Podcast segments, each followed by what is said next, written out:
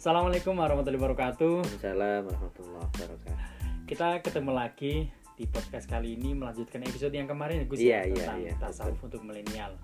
Nah, kira-kira untuk tasawuf untuk milenial ini untuk prakteknya di Indonesia itu gimana sih Gus dan dalilnya itu tentang tasawuf bagaimana? Gimana Nah. mau lanjut? Pertanyaan yang ngeri sekali ini Oh, untuk anak iya. muda ini. Luar biasa ini Mas Wazan yang masih Ah. jomblo ini. Iya, ini saya jomblo.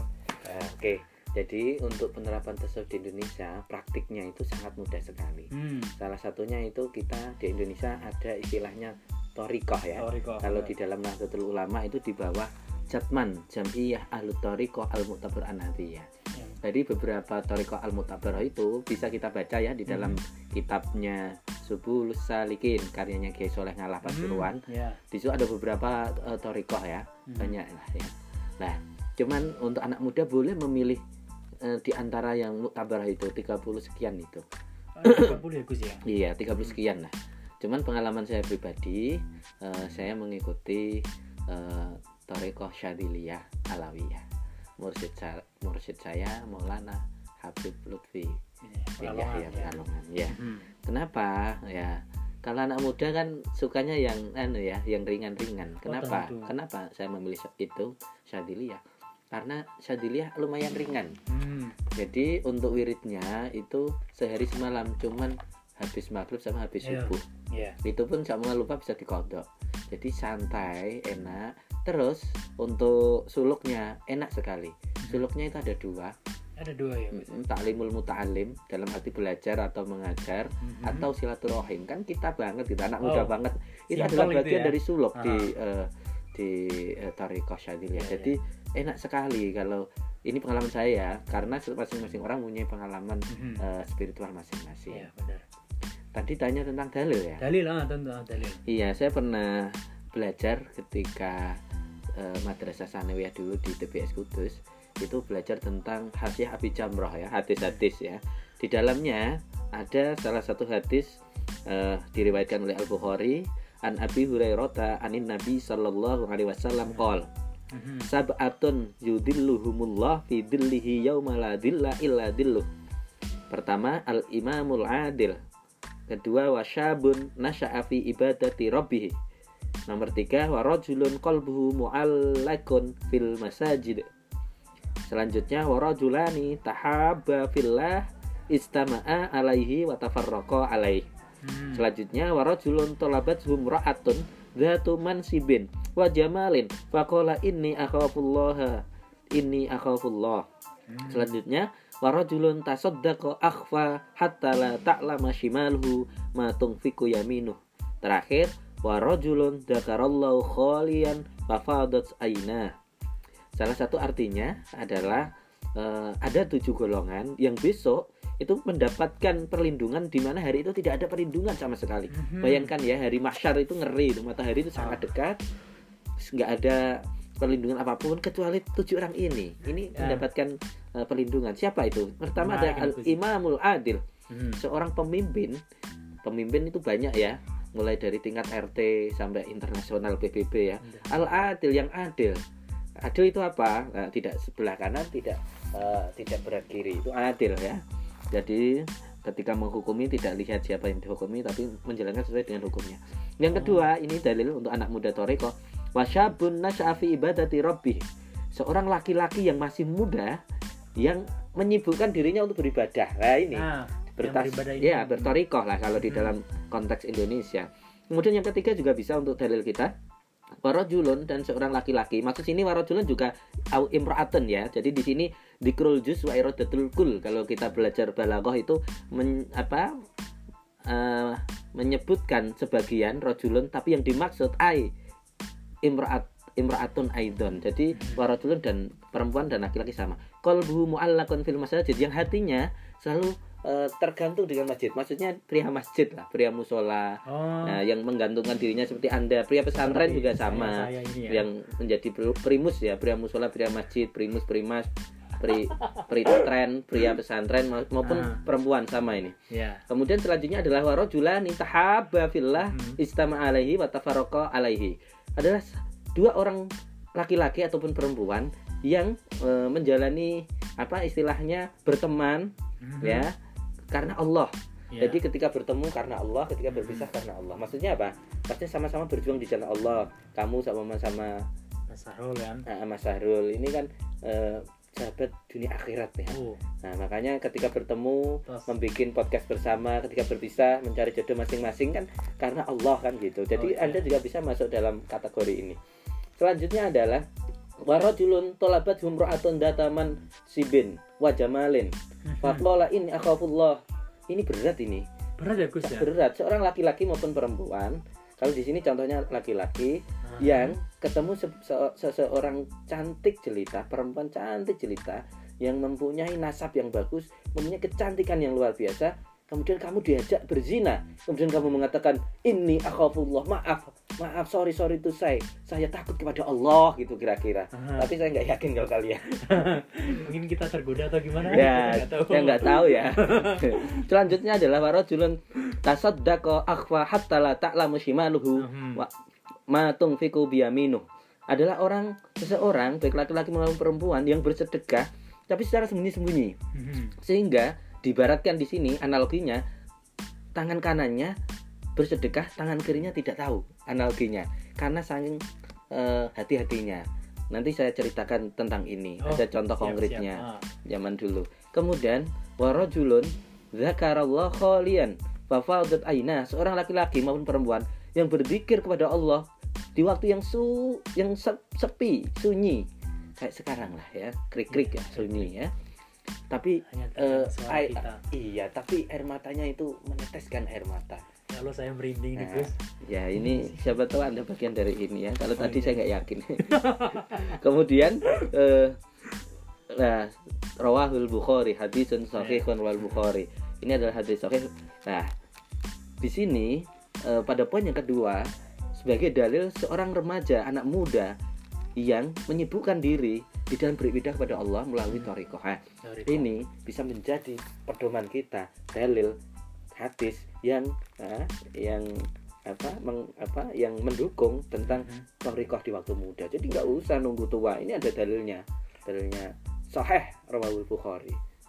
Karena memang umumnya kita kita yang anak muda ketika tahu tentang pengertian tasawuf toriko itu memang itu untuk kalangan anak anak apa kalangan orang tua ya di mana sudah mungkin sudah mendekati uzur dan sebagainya kita anak-anak muda yang notabene misal lebih ke menikmati masa mudanya kita pun kita kita kita, kita mengenal agama atau apa mengenal tentang nilai keagamaan dan sebagainya itu pun kita belum memasuki ranah situ gitu sih Iya. Ah. nggak apa-apa dalil di sini itu kalau bisa sih belajar sambil berenang nah ya benar jadi satu satu apa satu ketika kita itu loh satu pulau ketika kita apa itu istilahnya dalam bahasa Indonesia sekali sekali dayung dua pulau terlampaui atau ya gimana? sekali dayung betul Ah. satu atau dua pulau terlampaui dalam arti gini kita juga bisa belajar agama Mhm. juga sekalian langsung belajar bertorikoh Nah. nah jadi gitu jadi eh, jadi wali itu ada dua yang pertama itu wali per perjuangan ada wali anugerah atau wali tiban wali tiban itu lahir cepat sudah jadi wali pak Oh gitu ya. iya ada Hmm. ada yang wali perjuangan kayak kita kita ini bisa jadi wali tapi wali perjuangan nah salah satu indikator wali itu ala inna aulia Allah la khaufun alaihim walahum ya jangan jadi eh, dia tidak punya ketakutan la khaufun Hmm. walahum ya dan dia tidak punya kesusahan jadi Mhm. ketika dalam keadaan apa pun selalu ridho kepada Allah selalu kusnudan selalu berbaik sangka kepada Allah nah ini dalil kita ketika kita mau menjadi pemuda yang eh, ini yang mengambil toriko pada masa, masa mudanya kalau contoh saya pribadi tadi ya Sadilia karena ya. karena belajar kita kuliah itu bagian dari eh, sil- anu kan suluk kan kita Suluk. ngopi di kafe itu bagian dari silaturahim dan Oh, diskusi ya? itu, itu suluk Hmm. jadi kalau saya pribadi itu enak banget lah kalau toriko itu Oke, dan, uh, mungkin ada gak sih Gus menurut pandangan kan menurut ada nih persamaan berhalap dan bertasawuf bagaimana kita menyikapinya dua itu? Betul, pertanyaan bagus sekali ya. Jadi sebenarnya akhlak adalah bentuk dari ekspresi dari tasawuf Hmm. gitu. Jadi eh, dibagi menjadi tiga ya tasawuf itu. Yang pertama adalah tasawuf indal akhlaki wal adabi Mhm. ya. Adalah tasawuf menurut akhlak dan adab. Jadi ketika kita mau makan berdoa ketika kita mau belajar berdoa ketika kita mau apa pun selalu berdoa itu udah bagian dari tasawuf indal akhlak wal adab. Mhm. bagaimana etika kita makan harus pakai tangan kiri. Oh ya kemudian kita ketika buang hajat harus pakai tangan kiri. Mohon maaf ketika makan tangan kanan buang hajat tangan kiri itu bagian dari adab. Oh. Itu bagian dari tasawuf indal akhlak wal adab. Yang kedua adalah tasawuf indal fukoha atau tasawuf eh, menurut orang-orang fikih atau ahli-ahli fikih ya. Nah ini ya seperti kita kalau sholat itu harus eh, sesuai dengan syarat rukunnya. Dari seumpama salat syaratnya sholat Jumat seumpama kan harus akil balik. Nah itu harus kemudian harus sesuai dengan syarat rukunnya. Sholat Oh, begitu Jumat ya? Mhm. dan seterusnya. Sesuai dengan syariat lah istilahnya. Kemudian ada lagi yang ketiga adalah tasawuf inda ahlul ma'rifah ya. Jadi eh, tasawuf menurut ahli ahli ma'rifat nah ini agak berat ya ini Iya. bahasan agak Ah. kelas tinggi Ya, benar. contohnya itu ketika kita belajar ano hikam ya Hikam. pernah kan kita mendengarkan hikam Ya. sedikit-sedikit Mhm. walaupun model-model kalian paling belajarnya lewat YouTube, Oh, Google jelas. gitu kan Nyara Nah, instan lah Gus. Ya, itu kan di situ diceritakan ya di dalam hikam itu apa keadaan-keadaan yang kayaknya kita apa pun ngapain se- selalu salah gitu kan. Jadi kita sombong salah, nggak sombong salah, semua salah kayaknya itu. Ya. Nah, salah satu contoh itu adalah di dalam hikam itu diceritakan bahwa eh, orang yang melakukan maksiat ini bisa jadi dalil kalian ini. Kemudian dia ya setelah melakukan maksiat kemudian dia bertaubat, dia menyesali apa perbuatan maksiatnya. Itu lebih baik daripada Anda melakukan ibadah tapi memamerkan ke orang-orang lain. Oh, saya habis sedekah ini itu. Nah, itu di dalam itu kan tidak sesuai dengan apa yang ada syariat Oh, kan. mhm. Kalau syariat kan harus beramal baik ini itu gitu. Tapi kalau di dalam hikam itu diceritakan orang yang ahli maksiat tapi dia menyesali kemaksiatannya kemudian bertobat itu lebih baik daripada ahli ibadah tapi menyombongkan ibadahnya. Itu salah satu Sama. contoh eh, tasawuf indah al ma'rifah. Selain itu ada di dalam kitab Futuh Futuhatul Makiyah ya, karya Mhm. Ibnu Arabi juga ada di sana. Dan contoh-contoh konkret itu eh, tasawuf indah ahli ma'rifah ini saya pernah mendapatkan cerita dari guru saya. Nah, gimana itu Gimana? dulu kalian pernah di pondok apa enggak? Iya, pernah. Pernah ya, walaupun pesantren kilat mungkin Oh ya. iya. Nah, pernah belajar tentang jurumiyah apa enggak? Jurumiyah nahu. Ya. Nahu yang al kalamu wal murakabul al-labdul, mufidu bil wad'i. Ingat, Ya. itu tahu pengarangnya siapa? Aduh Gus sebenarnya lu siapa sih? Siapa lupa Gus? Lupa tuh nggak Ah. tahu. Saya lupa kok. Oh, tapi pernah tahu ya? Oh, pernah. Namanya Aseh Ason Haji. Oh iya, saya Aseh ngaji. Son Haji ini. Nah, Aseh Son Haji ini dulu ini cerita konkret dan merinding ini. Iya. Zaman dulu ketika menulis Jurumiyah, beliau itu eh, membuang kitabnya di Di sungai ya? sungai Iya. betul, di laut malah. Di laut Di ya? laut. Dia membuang tulisannya Jurumiyah itu di laut. Beliau mengatakan seperti ini, ya Allah, jika apa yang saya tulis ini ikhlas, maka ini akan ditemukan orang dan akan abadi. Tapi jika saya tulis tidak ikhlas, ini akan hilang dimakan oleh lautan. Kira-kira kamu berani tidak ngikut seperti itu? Waduh. Lima menit langsung habis kan tulisanmu? Iya. Iya, itu zaman dulu. Makanya Jurumiyah itu hampir dikaji di seluruh pesantren bahkan bahkan tempat-tempat Islam ya di seluruh Mhm. dunia. Karena keikhlasan. Nah, ini cerita tentang tasawuf indah al ma'rifah. Itu seperti itu. Oke. Oh, men- menarik ini pembahasannya ya. Iya, menarik. Eh, ada pertanyaan menggelitik mungkin buat saya nih. Oke. Eh, bisa nggak sih bertasawuf tanpa melalui syariah ataupun sebaliknya?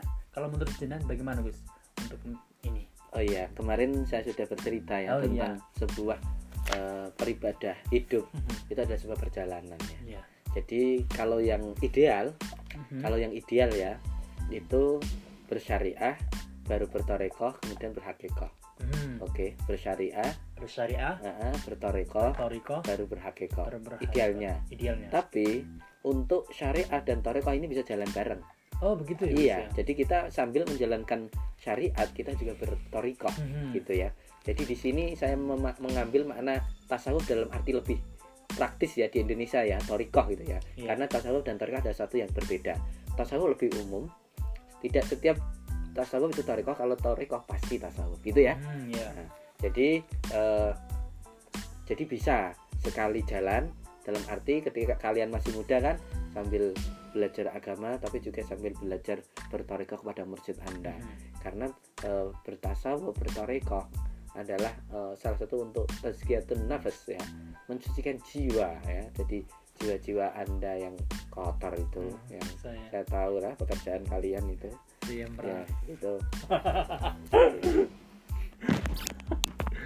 Ya eh, kalau menurut ini sebagai kita sebagai anak muda generasi milenial tentu kan perlu mengetahui lebih detail kira-kira toriko yang mana sih yang perlu kita eh, ikuti yang perlu kita apa ya terapkan dalam kehidupan sehari-hari gitu Nah, menurut saya bebas memilih Bebas. ya. Tadi ada Hmm. 30 lebih ya 30 yang lebih Jatman ya. Hmm. Jam'iyah Ahli Tariqah Al Mu'tabar An Nabiyah ini yang kenapa Al Mu'tabarah? Karena dia sanadnya bersambung oh, bersambung kepada Rasulullah Shallallahu alaihi wasallam bahkan kepada malaikat Jibril. Jadi langsung bersambung. tapi untuk 30 torikot itu 30 itu sekian ya. 30 sekian itu nyambung semua ya Gus, Nyambung ya? semua karena itu sudah diteliti oleh namanya Jatman, seorang organisasi otoritatif yang di bidang Hmm. itu. Nah, itu ada banyak toriko. Hmm. Kalau saya tadi udah tak ceritakan ya. ya Tadi Syadiliyah, Kak enak. ya ngopi bagian dari Solo silaturahim ke teman bagian dari Solo belajar di kampus walaupun ngantuk-ngantuk bagian dari Solo mengajar di TPK di musola bagian dari Solo. Enak banget enggak anak Mungkin kalau untuk mas untuk yang mahasiswa kita nggak plagiasi termasuk Ah, ini ya ya iya karena plagiasi itu bagian dari berbohong. Berbohong ya? Kalau orang yang berbohong itu syariat aja nggak masuk apalagi tasawuf gitu. Jadi masuk jangan ayo. sampai berbohong ya. Hmm. kecuali Ya. dalam ada hal tertentu yang Ya. boleh berbohong. Tapi itu rahasia kalian belum tak ceritain bahaya Bahaya. nanti kalau jadi dalil Wah ini semakin ke sini kita pembahasan semakin menarik ini tentang tasawuf. Eh, kalau apa namanya konsep tasawuf itu itu mungkin apa ya yang garis besarnya itu sebenarnya tujuannya itu untuk apa mungkin eh, untuk apa buat eh, untuk apa gitu loh Gus gimana kalau tujuan tasawuf Nah iya, tujuan tasawuf itu untuk membersihkan jiwa ya. jiwa Kemudian melewati seorang guru yang yang bernamakan mursyid Hmm. untuk menghasilkan eh, untuk bertemu atau ma'rifat kepada Allah. Kemarin saya sudah membacakan antumnya sehingga tasawuf adalah hidup di Indonesia maupun di dunia kehidupan ini adalah sebuah perjalanan ya. Nah, perjalanan kita itu ada namanya step by step kan, Dan by proses step. kan, proses. Nah, sehingga inti dari proses itu adalah penyucian jiwa. Kalau di dalam tasawuf itu adalah kemarin saya sudah singgung sedikit ya, Iya. konsep Taholi, tahalli, tajalli. ya. ya Bagaimana kita me- apa, mengosongkan ya, mengosongkan jiwa kita, hati kita dari sesuatu yang nggak baik. Oke, ketika Baik. sudah kosong, kita mengisi takhalli namanya mengosongkan, tahalli kita mengisi sesuatu yang kosong itu dengan kebaikan kebaikan kebaikan salah satunya berkumpul dengan orang-orang baik lingkungan sangat mendukung ya Mhm. kemudian yang ketiga tajalli tajalli otomatis nanti kayak makrifat lah Nanti- hmm. otomatis akan apa ya me- tajalli itu jelas kelihatan orang itu kalau sudah tingkatan tertentu akan makrifatnya itu akan kelihatan gitu Rek. Oh, di auranya itu tajalli salah ya. Mm-mm. Hmm. Oke. Eh, terakhir mungkin ya Gus, oke kasih tips dong buat kita yang anak muda ketika mau bertasawuf gitu kan, mesti kita bertorikoh. Mungkin kita nyari guru yang seharusnya jelas, kita mungkin bisa lihat dari lihat wajahnya udah teduh nih kayak gitu kan, atau misal gitu kan. oh iya Coba sih kita betul Eh, sebelum saya men- menceritakan tentang tips Ya. saya ada cerita sedikit ya cerita sangat menarik ini Mhm. jadi pada waktu itu ada seorang anak muda ya Mhm. dia nggak sengaja eh, berjalan di tepi sungai ya Mhm. kemudian di pinggiran sungai itu si anak muda itu melihat apel dan apel itu sudah anu sudah jatuh ke sungai dan sudah dibawa arus sungai Mhm. kira-kira menurut kamu anak muda kira-kira apel ini gimana hukumnya Hukumnya oh, ya makan aja. sikat lah ya Sikat. sikat aha. nah anak muda itu sama dengan pikiran kalian Hmm. jadi anak muda itu kemudian dia nggak sengaja mengambil apel itu dan memakan apel itu baru satu satu apa istilahnya? Satu gigit. Satu gigitan betul ya. Kalau masalah gigit gigit saya praktis iya. seorang praktisi tapi lupa lupa namanya ya. Insomnia belanda iya iya mendadak. Nah kemudian satu gigit kemudian imam imam seorang pemuda ini ah, dia ingat ya Allah astagfirullahaladzim ini apel siapa? Apakah ini halal atau enggak? Kemudian seorang pemuda itu menyusuri sungai untuk Hmm. mencari siapa pemilik apel itu kalau kamu kalau dapur-dapurmu saya nggak yakin sudah. Yang penting ini ulima ridho uhu dapat di jalan ya halal gitu ya kira-kira. Iya ini beda seorang pemuda ini. Dan dia menyusuri sungai hari demi hari waktu demi waktu sampai siang jadi malam sampai ketemu salah seorang eh, laki-laki tua. Kemudian beliau menceritakan eh, kalau dalam bahasa Indonesia ya kalau dalam bahasa Arab mungkin kamu nggak paham saya juga nggak ingat. Oh iya. Intinya kayak Afwan Syekh. Assalamualaikum. Waalaikumsalam Eh, Afwan Syekh saya tadi memakan apel ini baru satu gigitan apakah apel ini dihalalkan di dalam hati Syekh itu? Masya Allah Tabarakallah. Ada ya manusia di, di atas bumi ini yang model seperti ini. Kalau wajah-wajahmu nggak memungkinkan ya. Itu ada ada tuh di dalam hati. Wah ini tidak sembarang orang. Bisa saya halalkan tapi ada dua syarat itu dari waduh ada, ada syaratnya syaratnya. ya, Yang ya. pertama, kamu menjadi pegawai saya di kebun saya, meramut merawat kebun-kebun saya selama tiga tahun tanpa digaji. Kira-kira kamu gimana? waduh rasional saya berkata saya menolak Langsung kabur ya Iya, kira-kira? kabur. Langsung atau kedua kamu minta keringanan? Ampun, jangan Diskon berat kan itu. ya? Mungkin tiga hari atau tiga jam gitu ya. ya Imam Syafi'i tiga tahun nggak dibayar lagi ya? nggak dibayar. Tahu? Setelah itu tiga tahun di jalan Imam Syafi'i pergi pagi pulang sore pulang petang untuk merawat eh, kebun itu sampai tiga tahun. Setelah tiga tahun Imam Syafi'i menghadap syekhnya. ya Pemuda itu menghadap syekhnya. Ya syekh, kewajiban saya sudah selesai. Apakah halal eh, kehalalan apel ini sudah menjadi milikku? Syekhnya kata belum. Itu baru syarat satu. Syarat yang kedua. Kira-kira kamu kira-kira gimana? Udah emosi apa tidak kira-kira kalau kamu? saya jelas emosi Emosi ini Tawuran mesti itu. oh iya Nah, karena ini adalah seorang laki-laki yang bertasawuf, kemudian beliau mengatakan apa itu syarat saya? Kamu harus mau saya nikahkan dengan putri saya yang bisu, yang tuli, yang nggak punya tangan, nggak punya kaki. Kira-kira kamu mau nggak? Jujur, jujur, jujur ini. tidak Tidak kan? Tapi Imam Syafi'i karena mencari kehalalan, iya, siap Syekh. Kemudian diakadkan sama orang tuanya, eh, ya waladil mubarak gitu kan. Kayak kamu kan belum nikah ya, jadi ini pengalamannya di dibayangkan ya waladil mubarak sama Mama Hawazin bin siapa. Angkah tuka wazawaz tuka dibacakan ininya eh, ini bacaan akad nikah kemudian si laki-laki kabil tu nikah wa tazwijaha li nafsi bil mahril halan halal Nah, yes udah. Setelah itu Imam Syafi'i masuk ke kamar. Kemudian Imam Syafi'i mengatakan Assalamualaikum. Kemudian perempuan itu mengatakan Waalaikumsalam. Kemudian Imam Syafi'i kaget dan lari. Ya Syekh, sepertinya saya salah kamar. Loh, kenapa? Di dalam kamar itu kok adanya perempuan yang bisa berbicara. Padahal saya mengatakan bahwa perempuannya adalah seorang yang bisu. oh. Lanjutkan. Maksudnya bisu itu tidak pernah bergibah, gosip kayak kalian kepada eh, tidak pernah melakukan anu lah, maksiat mulut lah ya. Nah, dan seterusnya. Kemudian itu ceritanya dan itu adalah seorang muda adalah Imam Syafi'i yang menjadi imam kita di dalam fikih Ahlus Sunnah wal Jamaah Nahdliyah. Kemudian tips-tips untuk mencari torikoh ya tadi yang ditanyakan. Eh, yang pertama adalah harus harus tahu gurunya. ya mursyid Kenapa ya mursyidnya? Hmm. Karena eh, siapa yang belajar tasawuf atau belajar apa pun tanpa seorang guru, gurunya adalah setan. Serius ini. Serius, serius ya? Barang, sekarang siapa laki apa seorang laki-laki maupun perempuan yang belajar tanpa seorang guru, gurunya adalah setan. Yang kedua, seorang guru itu sangat mempengaruhi karakter dan ibaratnya apa ya mengukir jiwa Anda. masing-masing kita kan punya guru yang menurut kita sangat berkesan ya. Kalau sama Pak ini aku atau Bu ini saya sangat berkesan itu mengukir jiwa anda.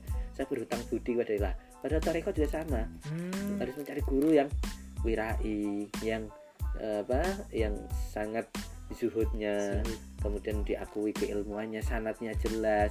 Jadi ini gurunya gurunya gurunya sanat tarekohnya itu nyambung mutasil sampai Allah sampai malaikat Jibril sampai eh, Rasulullah sampai Abu Bakar sampai Sayyidina Ali gitu.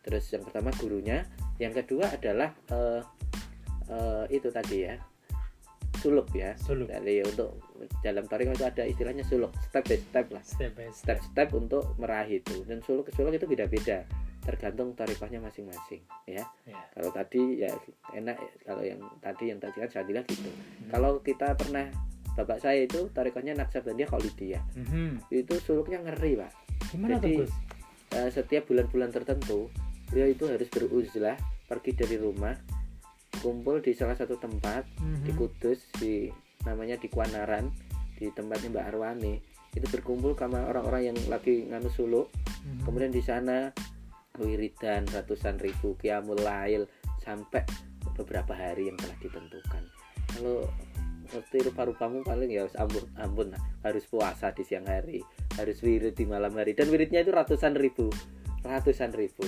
ya itu salah Ratusan satu ribu. silok eh, naksabnya Khalidah yang saya ketahui karena Hmm. saya baru tahu dua untuk yang Mhm. lain beda-beda Beda-beda ya, Gus, ya. seperti itu Oh. selain itu selain mursyid dan ini? Mursyid kemudian eh, sanat yang punya sanat jelas ya. Mhm. kemudian suluknya ya Suluk ya. jadi amalannya. Oh, gitu. karena toreko itu adalah sebuah janji suci. Kalau kita tidak boleh meninggalkan wiridnya itu. Nah ini poin penting. Nah. ketika kita meninggalkan itu apa sih gitu kan? Konsekuensinya? Ah. Bahaya itu. Apa itu Gus? Saya nggak berani cerita. Oh ya udah next time mungkin kayak iya gitu. next Oh. Karena kalau kalian belum siap bertorikoh yang secara asli bisa bertorikoh tabaruk tabaruk gitu ya ya? istihadnya Imam Anu. Ini ada salah satu anunya apa Habib Lutfi tabaruk dulu. Jadi sama kalian yang bawaan bawaannya males imannya ya itu yang kurus kadang semangat kadang enggak itu bisa Bisa, ya. Ya, tabaruk Ya, dulu. mungkin untuk apa ya semacam latihan gitu nah ya. betul latihan. Latihan kayak guru kan kalau ngajar Ah. ada micro teaching gitu. Ya ngerti sih. gitu kira-kira ya. Oke. untuk hari ini cukup ya. Cukup. Eh, terima kasih podcast kali ini. Kita next time akan membahas tema tentang apa pun itu yang sedang viral atau mungkin tema-tema yang nanti bisa rekomendasi dari teman-teman. Ya terima kasih. Assalamualaikum warahmatullahi wabarakatuh. Waalaikumsalam